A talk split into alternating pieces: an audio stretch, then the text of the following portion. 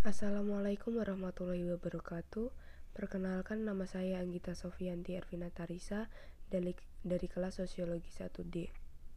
Di sini saya akan mengangkat tema pelecehan verbal atau catcalling yang terjadi di Indonesia. Poin pertama, mengapa persoalan ini penting untuk dibahas? Karena kasus pelecehan seksual verbal yang terjadi sering kali dikaitkan dengan cara berpakaian perempuan pada saat di ruang publik yang semestinya tidak ada korelasi di dalamnya. Perempuan memiliki hak yang sama dengan laki-laki untuk mengekspresikan kebebasannya dalam kehidupan sehari-hari karena nyatanya perempuan akan selalu rentan menjadi objek seksual dalam berpakaian apa pun. Tidak peduli pakaian apa yang dikenakan, laki-laki akan tetap melakukan tindakan tersebut guna memperlihatkan kepada masyarakat melalui ucapannya bahwa ruang publik tersebut adalah milik laki-laki.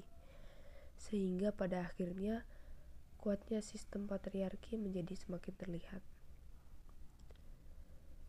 Kurangnya edukasi masyarakat terhadap bentuk-bentuk pelecehan juga menyebabkan pelecehan ini sering dianggap enteng.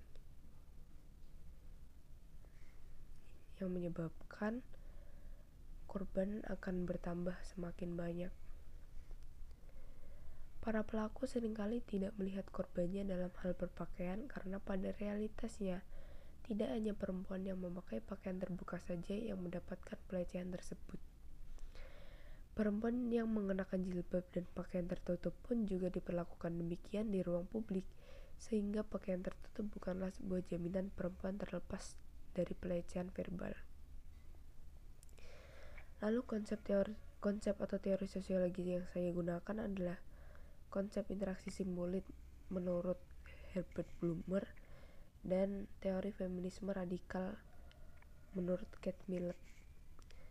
Konsep interaksi simbolik menurut Herbert Blumer menunjukkan pada sifat khas dari tindakan atau interaksi antar manusia yang mana kekhasan sifat pada sifat manusia yang saling menerjemahkan mendefinisikan tindakan bukan hanya reaksi dari tindakan seseorang terhadap orang lain. Dalam proses interaksi sosial, orang mengkomunikasikan secara simbolis makna-makna kepada antar manusia yang terlibat dalam interaksi sehingga menafsirkan simbol-simbol dalam tindakan mereka serta merespon berdasarkan penafsiran mereka.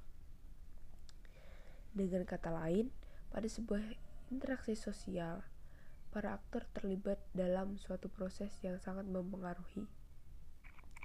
Simbol sangat penting dalam kemungkinan cara bertindak manusia, sehingga simbol pada umumnya memiliki sejumlah fungsi spesifik bagi aktor.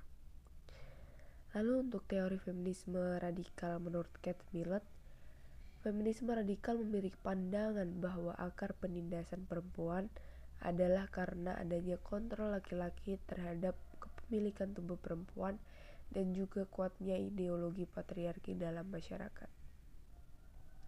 Menurutnya, ideologi patriarki terlalu membesar-besarkan perbedaan biologis antara laki-laki dengan perempuan dan selalu menempatkan laki-laki dengan memiliki peran yang dominan sedangkan perempuan selalu berada pada peran subordinat. Untuk metode penelitian saya menggunakan metode studi literatur yaitu metode pengumpulan data dengan cara mengambil data di pustaka, catatan-catatan serta jurnal-jurnal ilmiah yang ada sebelumnya. Jenis orientasi penelitian yang saya gunakan adalah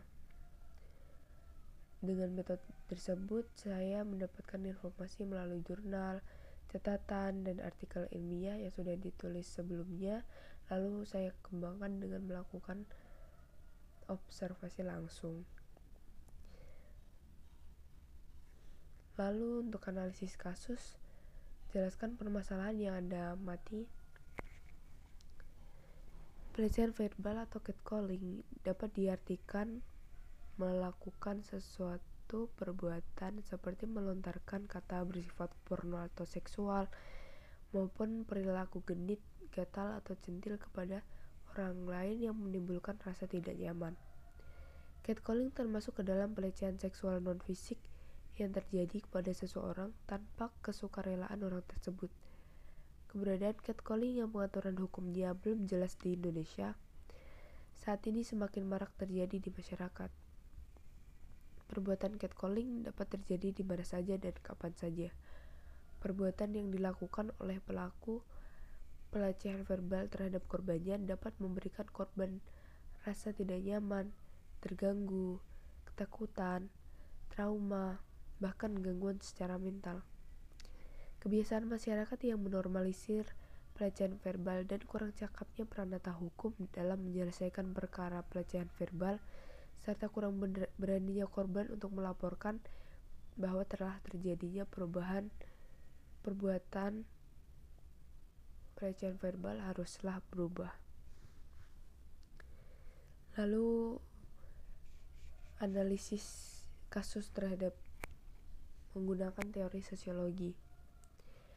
Dalam teori interaksi simbolik diartikan sebagai laki-laki yang melakukan pelecehan verbal, korban akan menafsirkan tindakan tersebut seperti perilaku menggoda, centil, genit, dan membuat korban merasa tidak nyaman, ketakutan, dan berpikir apakah akan terjadi tindak kejahatan selanjutnya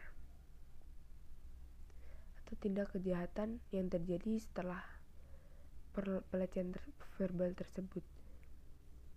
Untuk teori feminisme radikal kata Millet, dalam teori feminisme radikal ini, wanita masih dianggap lemah dan sering ditindas oleh kaum laki-laki adalah karena adanya kontrol laki-laki terhadap kepemilikan tubuh perempuan dan juga kuatnya ideologi patriarki dalam masyarakat. Patriarki adalah suatu ideologi yang menempatkan posisi laki-laki sebagai pemegang kekuasaan utama. Wanita hanya dipandang sebagai budak seks yang lemah. Kesimpulan yang saya dapatkan dari analisis ini adalah pelecehan verbal atau catcalling ini masih banyak sekali terjadi di Indonesia Maraknya tindakan tersebut karena hukum tentang pelecehan di Indonesia masih kurang jelas dan sikap masyarakat yang tidak tahu atau kurangnya edukasi terhadap masyarakat sehingga mereka masih menormalisir kasus tersebut. Lalu adanya ideologi patriarki yang menyebabkan ketimpangan gender dan memposisikan wanita di kasta terbawah sehingga pandangan rendah terhadap wanita sering kali terjadi. Saran saya untuk persoalan ini adalah semoga hukum Indonesia mengenai pelecehan harus segera dipertegas lalu edukasikan kepada siapa pun tentang macam-macam pelecehan dampak dari pelecehan dan cara menghargai sesama lalu tanamkan iman yang kuat terhadap diri masing-masing. Untuk korban jika menghadapi pelecehan jangan segan atau takut untuk bercerita kepada keluarga teman dekat dan laporkan kepada pihak yang berwajib. Sekian dari saya terima kasih. Wassalamualaikum warahmatullahi wabarakatuh